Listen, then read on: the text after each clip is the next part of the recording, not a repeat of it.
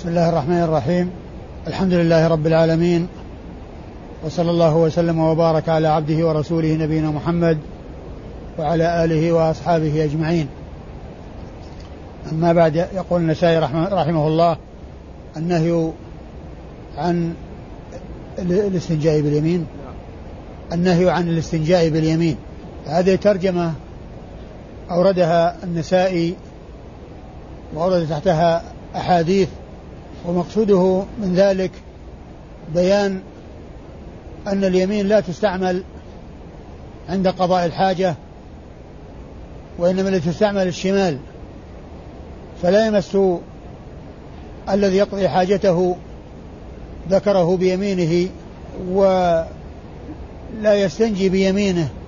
يعني معناه أنه لا يستعمل اليمين عند قضاء الحاجة.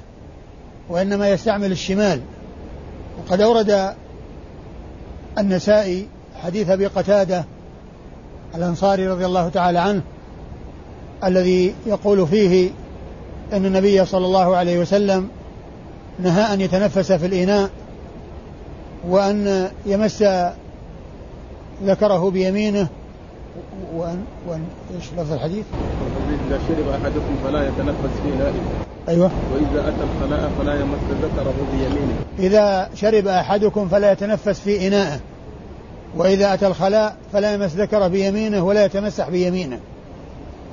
فقوله عليه الصلاة والسلام إذا شرب أحدكم فلا يتنفس في إنائه يعني أنه يتنفس في خارج الإناء.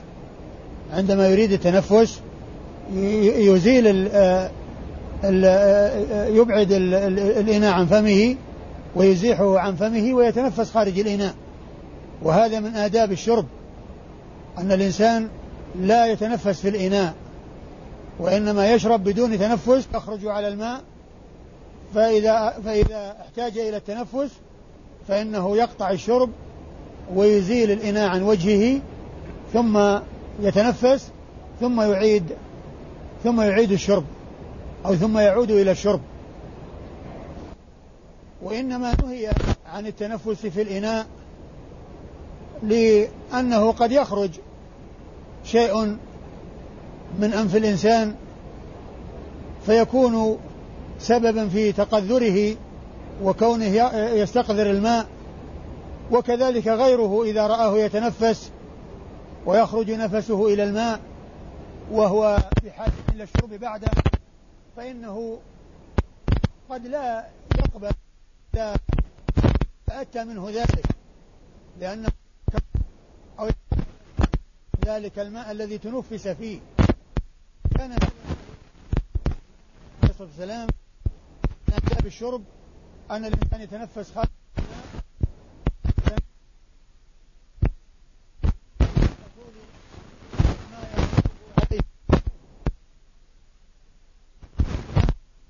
وكذلك أيضا سبب من بعده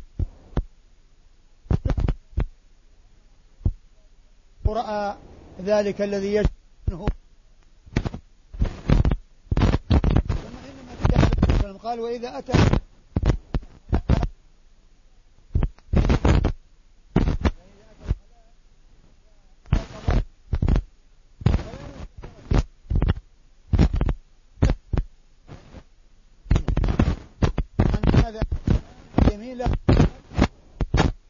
لا تستعمل عند قضاء الحاجة لا للاستنجاء ولا للمس بحيث تكون بعيدة عن آه، مس الذكر والاستنجاء عند قضاء الحاجة. وإنما جمع النبي صلى الله عليه وسلم صلى الله عليه وسلم بين النهي عن التنفس في الإناء وبين النهي عن مس الذكر باليمين والاستنجاء باليمين لأنه عليه الصلاة والسلام ذكر آداب الشرب وذكر آداب آداب التبرك. فناسب الجمع بين هذه الأمور لأنها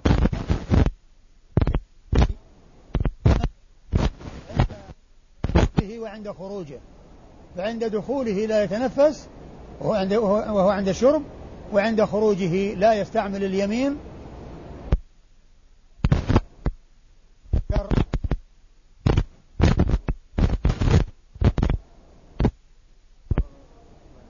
نعم. الإسناد يقول النسائي اخبرنا اخبرنا إسماعيل بن مسعود. أخبرنا إسماعيل بن مسعود. وإسماعيل بن مسعود هذا من شيوخ النسائي وهو ثقة وهو بصري ثقة ويكنى بأبي مسعود. يعني وافقت كنيته اسم أبيه. وافقت كنيته اسم أبيه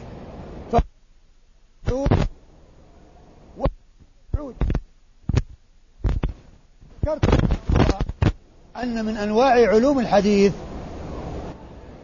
أن أن أن يعرف أو من أنواع علوم الحديث من وافقت كنيته اسم أبيه من من أنواع علوم الحديث. معرفة من وافقت كنيته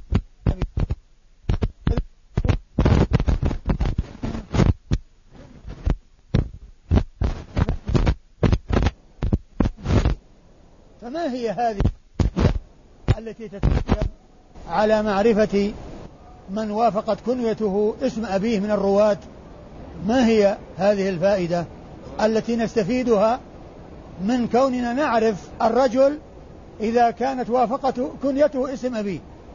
كهذا الرجل الذي عندنا فهو مسعود وابنه اسمه مسعود يكن بأبي مسعود.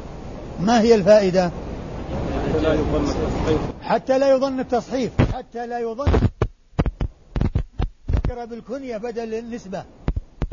لأنه إذا كان هذا الرجل إسماعيل بن مسعود. جاء في بعض الكتب حدثنا إسماعيل أبو مسعود. يعرف أنها لكن إذا عرف أن كنيته أن كنيته موافقة لاسم أبيه هذا صح وهذا صح.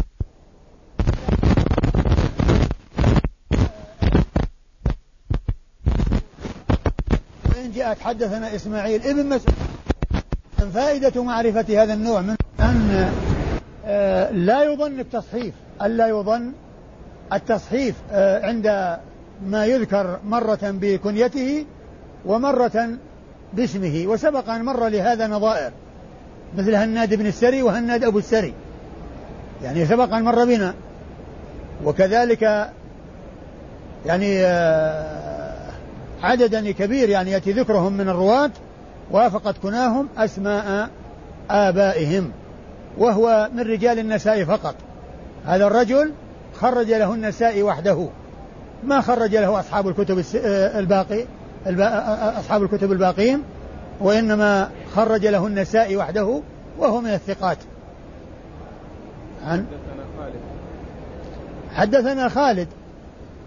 خالد هذا هو ابن الحارث.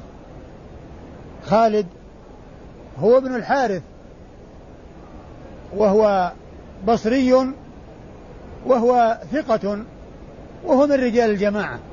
خرج حديثه أصحاب الكتب. خرج حديثه أصحاب الكتب. وهو خالد بن الحارث. أيوه. عن؟ عن هشام. أما هشام فهو ابن أبي, ابن أبي عبد الله الدستوائي. هشام هو ابن أبي عبد الله الدستوائي الذي سبق أن مر بنا ذكره. سبق أن مر بنا ذكره آه، آه، وهو من رجال الجماعة وهو ثقة. هو ثقة من رجال الجماعة. هشام بن أبي عبد الله الدستوائي. هذا هو هشام. عن إيش؟ عن يحيى ويحيى هو ابن أبي كثير الذي سبق أن مر ذكره يعني فيما مضى والأحاديث كلها ت... وهذا الحديث كلها تدور عليه. يعني طرق هذا الحديث الذي هو حديث النهي عن حديث أبي قتادة عن ابنه عبد الله عن يحيى كلها تأتي عن يحيى بن أبي كثير وتتفرع عنه. وقد سبق أن مر بنا الحديث فيما مضى عن أبي معاوية. عن يحيى بن أبي كثير. وأما هنا عن آه عن هشام عن يحيى ابن أبي كثير. ويحيى, ويحيى بن أبي كثير هذا ثقة من رجال الجماعة. وسبق أن ذكرت لكم أنه قال كلمة عظيمة في بيان طلب العلم والحث عليه والصبر عليه. قد ذكرها مسلم عنه في صحيحه وهي قوله لا يستطاع العلم براحة الجسم. لا يستطاع العلم براحة الجسم. هذه كلمة جميلة من كلمات هذا الرجل الذي هو يحيى ابن كثير وهو ثقة كما عرفنا من رجال الجماعة. أيوة عن عبد الله بن أبي قتادة هو أيضا ثقة من رجال الجماعة وسبق أن مر ذكره وأبوه أبو قتادة الأنصاري صاحب رسول الله عليه الصلاة والسلام وسبق أن مر ذكره. وعلى هذا فإن رجال الإسناد كلهم من رجال الجماعة إلا إسماعيل ابن مسعود شيخ النسائي. إلا إسماعيل ابن مسعود شيخ النسائي فإنه من رجال النساء وحده. والباقون من رجال الجماعة. والباقون من رجال الجماعة وكلهم من الثقات. كلهم ثقات. إسماعيل بن مسعود ثم بعده خالد بن الحارث ثم بعده آه، هشام آه، بن أبي عبد الله الدستوائي ثم يحيى بن أبي كثير ثم عبد الله بن أبي قتادة. كل هؤلاء من الثقات وكلهم خرج حديثهم الجماعة إلا شيخ النسائي فإنه لم يخرج له إلا النسائي. أيوه بعده. قال أخبرنا عبد الله بن محمد بن عبد الرحمن قال حدثنا عبد الوهاب عن أيوب عن يحيى بن أبي كثير عن ابن أبي قتادة عن أبيه رضي الله عنه أنه قال إن النبي صلى الله عليه وسلم نهى أن يتنفس في الاناء وأن يمس ذكره بيمينه وأن يستطيب بيمينه. ثم أورد النسائي هذا الحديث حديث عبد الله حديث أبي قتادة من طريق أخرى إلى يحيى بن أبي كثير. من طريق أخرى إلى يحيى بن أبي كثير. وفيها أن النبي صلى الله عليه وسلم نهى أن يتنفس في الإناء وأن يمس ذكره بيمينه وأن يستطيب بيمينه. وهذه الرواية مطلقة وهي قوله وأن يمس ذكره بيمينه. ما فيها عند قضاء الحاجة. بخلاف الرواية السابقة وكذلك الرواية التي سبقت فيما مضى ومن العلماء من قال إن إن المطلق محمول على المقيد. يعني معناه أن النهي إنما هو عند قضاء الحاجة. ووجه هذا أن الأحاديث كلها تدور على إسماعيل على يحيى بن أبي كثير. كل الطرق تأتي عن يحيى بن أبي كثير. والقصة واحدة والحديث واحد. والقصة واحدة والحديث واحد. وإذا فالذي التي فيها التقييد بأنه عند قضاء الحاجة وأن النهي عن مس الذكر عند قضاء الحاجة جاء هذا مطلق فيحمل على المقيد. فيكون النهي في هذا محمولا على ما جاء من التقييد لأن الحديث واحد وهو جاء عن يحيى بن أبي كثير عن ابن أبي قتادة عن عن, عن أبي قتادة. قالوا فيحمل المطلق على المقيد. فيحمل المطلق على المقيد وأن يكون النهي عن ذلك إنما هو عند قضاء الحاجة. وذكرت فيما مضى أن السبب في هذا أن قضاء الحاجة تكون اليد اليمنى عرضة للنجاسة. ومن المعلوم أن أن الشريعة جاءت بأن تستعمل اليمين في الأمور المحبوبة والأمور الطيبة والشمال بخلافها. تستعمل بخلافها. فالنهي عن مس الذكر باليمين عند قضاء الحاجة لما فيه من التعرض للنجاسة ومن العلماء من قال إن النهي يكون على إطلاقه وأنه إذا نهي عن مس الذكر باليمين عند قضاء الحاجة فهو عند غير قضاء الحاجة من باب أولى. وذكرت فيما مضى أن هذه الأولوية ليست واضحة لأن النهي عند قضاء الحاجة إنما هو خوف النجاسة. وأما إذا لم يكن هناك قضاء حاجة فليس هناك فليس هناك ما يعني ما يدل على الأولوية. يعني أن أن أن مسه عند عدم الحاجة من باب أولى لأن هناك مظنة نجاسة وهنا ما في مظنة نجاسة. هناك مظنة نجاسة وهنا ليست مظنة نجاسة. من المعلوم أن الإنسان يستنثر بيساره. يستنثر بيساره ما يستنثر بيمينه يعني الأنف. عندما يخرج يعني ما في أنفه يخرجه باليسار ما يخرجه باليمين. لكن كونه يلمس أنفه بيمينه يعني في غير حال الاستنثار ما في مانع. فكذلك يعني كونه يمس ذكره بيمينه يعني في غير قضاء الحاجة يعني لا يكون مانع. لا يكون مانع.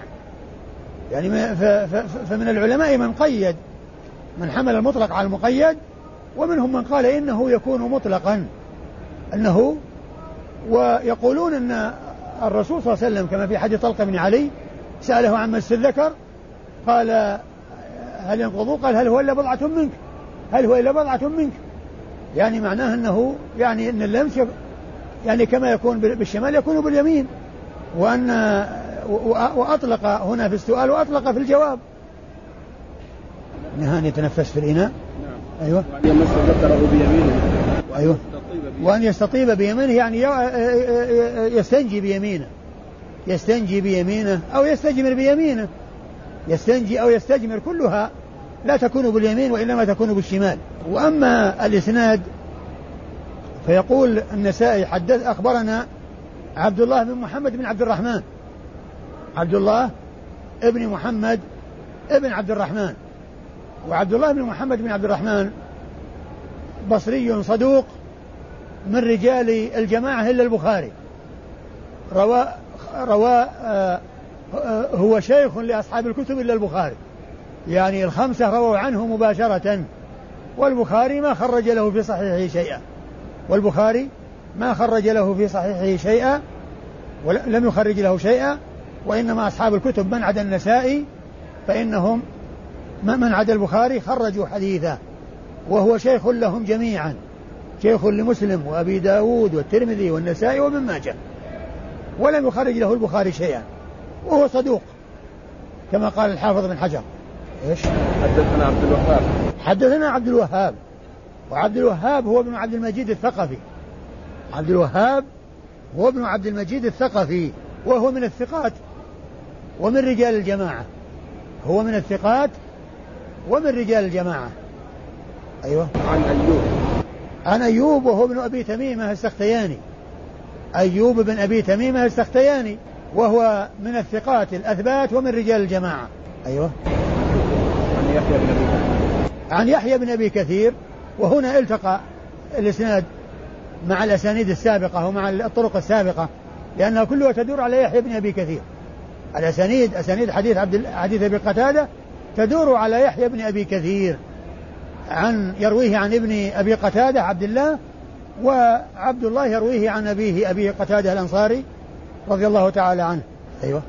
قال أخبرنا عمرو بن علي وشعيب بن يوسف واللفظ له عن عبد الرحمن بن مهدي عن سفيان عن منصور والأعمش عن إبراهيم عن عبد الرحمن بن يزيد عن سلمان رضي الله عنه أنه قال قال المشركون إنا لنرى صاحبكم يعلمكم القراءة. قال أجل نهانا أن نستنجي أن يستنجي أحدنا بيمينه. ويستقبل القبلة وقال لا يستنجي أحدكم بدون ثلاثة أحجار. ثم ورد النسائي حديث سلمان الفارسي رضي الله عنه أنه قال المشركون نرى صاحبكم يعلمكم حتى القراءة فقال أجل كان نهانا نهانا أن نستنجي أن يستنجي أحدنا بيمينه. نهانا أن يستنجي أحدنا بيمينه وأن وأن نستقبل القبلة يعني عند قضاء الحاجة وألا نستنجي بأقل من ثلاثة أحجار وألا نستنجي بأقل من ثلاثة أحجار. فحديث أبي قتاد حديث سلمان هذا سبق أن تقدم فيما مضى سبق أن مر وأورده هنا من أجل ما اشتمل عليه مما ترجم له. وهو المنع من الاستنجاء باليمين. المنع من الاستنجاء باليمين. والمشركون قالوا لسلمان الفارسي رضي الله عنه أنه أن صاحبكم نرى صاحبكم يعلمكم كل شيء حتى القراءة. وكانوا قالوا هذا على سبيل على سبيل العيب.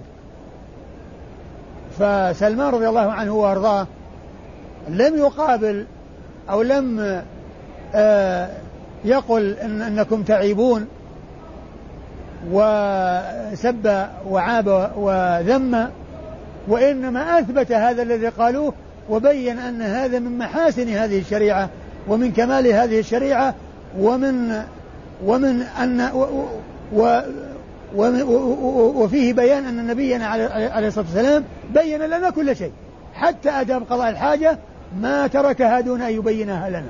حتى أداب قضاء الحاجة ما تركها. فصار ذلك أتى به على سبيل المدح وعلى سبيل آه، بيان كمال هذه الشريعة وبيان كمال نصح الذي جاء بها صلوات الله وسلامه وبركاته عليه وأنه بين للناس ما يحتاجون إليه. وفي صحيح مسلم من حديث عبد الله بن عمرو بن العاص أنه قال أن النبي صلى الله عليه وسلم قال ما بعث الله من نبي إلا كان حقا عليه أن يدل أمته على خير ما يعلمه لهم ويحذرهم شر ما يعلمه لهم. وقد بين عليه الصلاة والسلام أصول الدين وفروعه وبين للناس ما يحتاجون إليه. وهذا الحديث كما سبق أن ذكرت فيما مضى يستدل به أهل السنة والجماعة على المؤولين في آيات الصفات والذين يقولون أن أن لله أن أنه ليس لله يدين حقيقيتين وإنما المراد باليد النعمة أو القدرة ويقول الاستواء هو الاستيلاء ويقولون أن آه، آه، كذا هو كذا ويأتون بمعاني لآيات لآيات وأحاديث الصفات يستدل عليهم أهل السنة بأن الرسول صلى الله عليه وسلم بين آداب قضاء الحاجة. كما جاء في حديث سلمان. فكيف يبين آداب قضاء الحاجة ولا يترك ويترك أمر الأصول والعقيدة غير مبين ويجعل الناس يتخرصون وهذا يقول كذا وهذا يقول كذا المراد كذا والمراد كذا لأن النبي صلى الله عليه وسلم ما بين ذلك على على قولهم وعلى زعمهم. بل النبي صلى الله عليه وسلم بين للناس ما يحتاجون إليه. والرسول صلى الله عليه وسلم خاطب أناسا عربا فهموا ما خطبوا به. فهموا ما خطبوا به.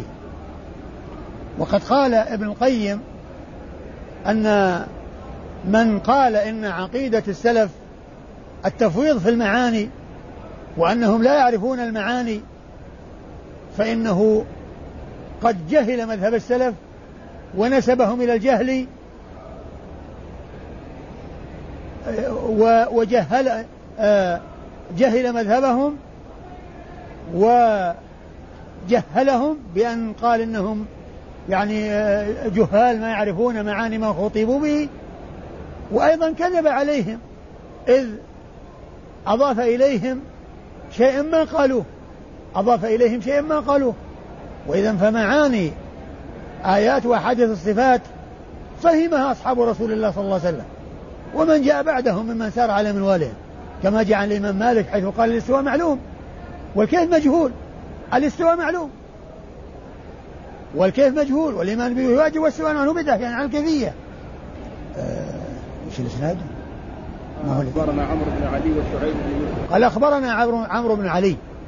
عمرو بن علي هذا هو الفلاس الذي مر ذكره مرارا وهو من الثقات الحفاظ النقاد المعروفين بالكلام في الرجال والجرح والتعديل.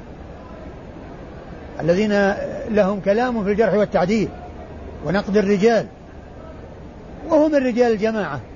خرج حديثه أصحاب الكتب.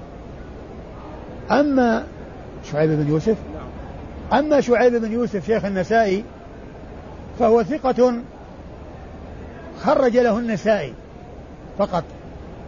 ثقة خرج له النسائي. هو من رجال النسائي. وهو من الثقات. قال إيش؟ قال واللفظ له يعني لما ذكر شيخين بين أن هذا اللفظ هو لفظ شعيب. ليس لفظ عمرو بن علي. لأن كما هو معلوم الرواة يختلفون في في آه في يعني في سياق الحديث. يكون فيه يعني اختلاف في التعبير. قال هذا اللفظ الموجود هو لفظ شعيب. وسبق أن ذكرت أن النسائي أحيانا يذكر شيخين. لكن ما يبين من له اللفظ. وأحيانا يبين من له اللفظ وأحيانا يبين له من له اللفظ. وقد مر بنا في مواضع تبيين من له اللفظ وهو للثاني منهما. للثاني منهما. يقول واللفظ له الضمير يرجع إلى أقرب مذكور. أما مسلم فهذه طريقته. يذكر من يعني عدد من الشيوخ ثم يقول واللفظ لفلان. حدنا فلان وفلان وفلان واللفظ لفلان. يعني مثل طريقة طريقة النسائي يعني هذه مثلها في الجملة. أما البخاري فقد ذكرت فيما مضى أن عادته أنه لا يذكر واللفظ لفلان ولكن الذي عرف بالاستقراء من صنيعه كما ذكر ذلك الحافظ بن حجر أنه للثاني منهما أن اللفظ المذبور المذكور للشيخ الثاني من شيخيه.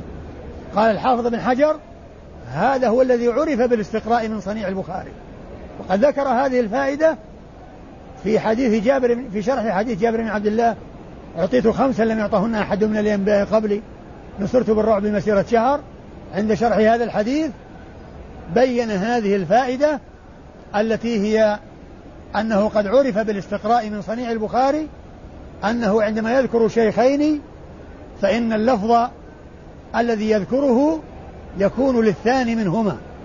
قال والدليل على هذا أن الأول الذي ما ذكر اللفظ له يأتي به في موضع آخر من الصحيح ولفظه يختلف عن اللفظ الذي أثبته.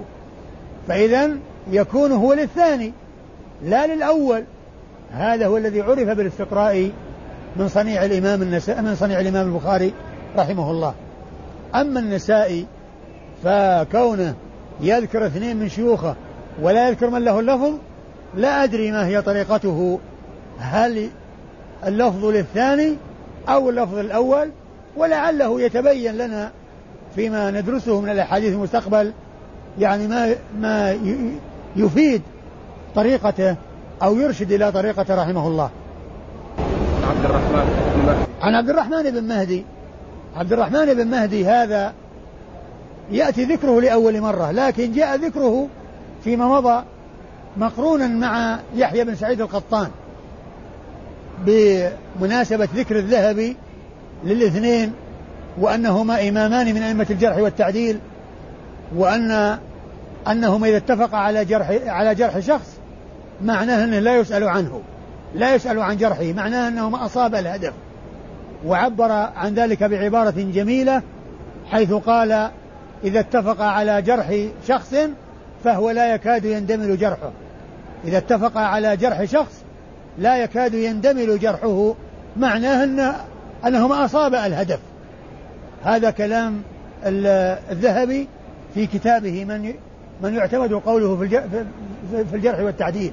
وعبد الرحمن بن مهدي هذا هو آه هو إمام آه قال عنه الحافظ ثقة ثقة حجة حافظ عارف بالرجال والعلل عارف بالرجال. فهذا هو عبد الرحمن بن مهدي وهو من رجال الجماعة. خرج حديثه أصحاب الكتب. خرج حديثه أصحاب الكتب. أيوة. عن سفيان. سفيان هذا غير منسوب. جاء في الإسناد غير منسوب. وفي ترجمة ترجمة عبد الرحمن روى عن المهدي روى عن سفيان بن عيينة وعن سفيان الثوري. لهذا قالوا روى عنه الحما روى عنه السفيانان. روى عنه السفيانان. سفيان الثوري وسفيان بن عيينة. روى عنه السفيانان والحمادان حماد بن زيد وحماد بن سلمة. وفي ترجمة آه وفي ترجمة كل من سفيان بن عيينة وسفيان الثوري قالوا روى عن الأعمش وعن منصور اللي روى عنهم هنا في الإسناد. فإذا سفيان هنا محتمل لأن يكون هذا وهذا لكن أيهما بالنسبة للتلاميذ آه سفيان آه عبد الرحمن بن مهدي الموجود هنا تلميذ لسفيان الثوري ولسفيان بن عيينة. روى عن نعم. آه لا هو أنا قلت روى عنه السفيانان إيش في ترجمة من؟ قلت روى عنه السفيانان؟ عبد الرحمن المهدي نعم. لا لا عبد الرحمن المهدي روى عن السفيانين مش روى عن السفيانان روى أنا قلت روى عن السفيانين إيه. روى عن السفيان روى عن السفيانين روى عن السفيانين يعني عن سفيان الثوري وسفيان بن عيينة مو روى عنه هو روى عن السفيانين لكن في ترجمة منصور والأعمش يعني قيل أنهم روى عنهم السفيانان يعني سفيان الثوري وسفيان بن عيينة روى روي عن الأعمش وعن منصور بن المعتمر وعن منصور ابن معتمر ولم يتبين لي أو ما تمكنت يعني في البحث أن أعرف أي الاثنين ولعلي آه، أعرف ذلك فيما بعد. وأبين لكم وقد ذكرت فيما مضى أن الطريقة التي يعرف بها آه، أي الاثنين يعتبر يعني هو المراد عند الإطلاق فيما إذا كان اثنان تلميذان له أو هو تلميذ آه، أو, أو اثنان تلميذ تلميذان لشخص يعرف ذلك بمن يكون أكثر رواية وأكثر ملازمة. فمن ناحية الملازمة وأيهما أكثر وأيهما أكثر رواية لا أعرف ذلك حتى الآن ولكن كما ذكرت آه عبد الرحمن يروي عن السفيانين والسفيانان يرويان عن الأعمش وعن منصور. فيحتاج معرفة أيهما إلى معرفة من يكون أكثر ملازمة ومن يكون أكثر آه رواية وهذا ما لم أتوصل إليه الآن يعني آه الآن ولعلي أبين ذلك فيما بعد إن شاء الله. أما الأعمش فهو سليمان بن مهران الكاهلي الكوفي وقد مر ذكره وهو من رجال الجماعة وهو من رجال الجماعة. والسفيانان هما من رجال الجماعة أيضا. السفيانان هما من رجال الجماعة. الذي يحتمل أن يكون هذا وهذا كل منهما من رجال الجماعة. وأنصور أيضا كذلك من رجال الجماعة منصور بن المعتمر وهو في وهما في طبقة واحدة مع منصور والأعمش. وقد سبق أن مر ذكرهما معا وسليمان الأعمش يأتي ذكره بلقبه وما و ويأتي ذكره باسمه. وقد ذكرت ذلك فيما مضى مرارا. عن إيش؟ عن إبراهيم. عن إبراهيم وهو النخعي. عن إبراهيم بن يزيد بن قيس النخعي الذي سبق أن مر ذكره. وهو يروي عن خاله عبد الرحمن بن يزيد. هنا لأن عبد الرحمن عبد الرحمن آه إبراهيم النخعي يروي عن خاليه الأسود ابن يزيد وعبد الرحمن بن يزيد. يروي عن خاليه آه الأسود بن يزيد وعبد الرحمن آه ابن يزيد. وهنا يروي عن عن عن عبد الرحمن. وقد سبق أن مر روايته عن عن عن الأسود. روايته عن الأسود بن يزيد فيما مضى فهو يعني فهو يروي عن عن خاليه عبد الرحمن والأسود. الأسود بن يزيد بن قيس وعبد الرحمن بن يزيد بن قيس هما خالان لإبراهيم النخعي وهو يروي عن خاليه آه عن عن من؟ عن, عن سلمان. عن سلمان وهو صاحب رسول الله صلى الله عليه وسلم وقد سبق أن مر الحديث ومر ذكر ما له من الأحاديث. وسلمان هذا هو الذي يقول فيه الشاعر يعني يبين فضل الإسلام وأن آه، من كان آه، من كان ظفر بالإسلام وهداه الله الإسلام وهو الذي ظفر بكل خير يقول الشاعر لعمرك ما الإنسان إلا بدينه فلا تترك التقوى اتكالا على النسب. فقد رفع الإسلام سلمان فارس. فقد رفع الإسلام سلمان فارس. ووضع الشرك النسيب أبا لهب. ووضع الشرك النسيب أبا لهب. أبا لهب عم الرسول صلى الله عليه وسلم. لكن هذا النسب وهذا القرب من رسول الله صلى الله عليه وسلم ما نفعه. وإنما الذي وإنما هذا الرجل الفارسي الذي ليس من العرب وليس من قرابة الرسول صلى الله عليه وسلم الله تعالى رفعه بالإسلام. وقد قال عليه الصلاة والسلام ومن بطأ به عمله لم يسرع به نسبه. ومن بطأ به عمله لم يسرع به نسبه. لعمرك ما الإنسان إلا بدينه فلا تترك التقوى اتكالا على النسب. فقد رفع الإسلام سلمان فارس وقد وضع الشرك النسيب أبا وقد وضع الشرك يعني حطه هذا رفعه الإسلام وهذا خفضه الشرك. والعياذ بالله. هذا عم رسول الله صلى الله عليه وسلم. وهذا إنسان من الفرس لكن الله تعالى رفعه بالإسلام. والله أعلم وصلى الله وسلم وبارك على عبده ورسول نبينا محمد وعلى آله وأصحابه أجمعين.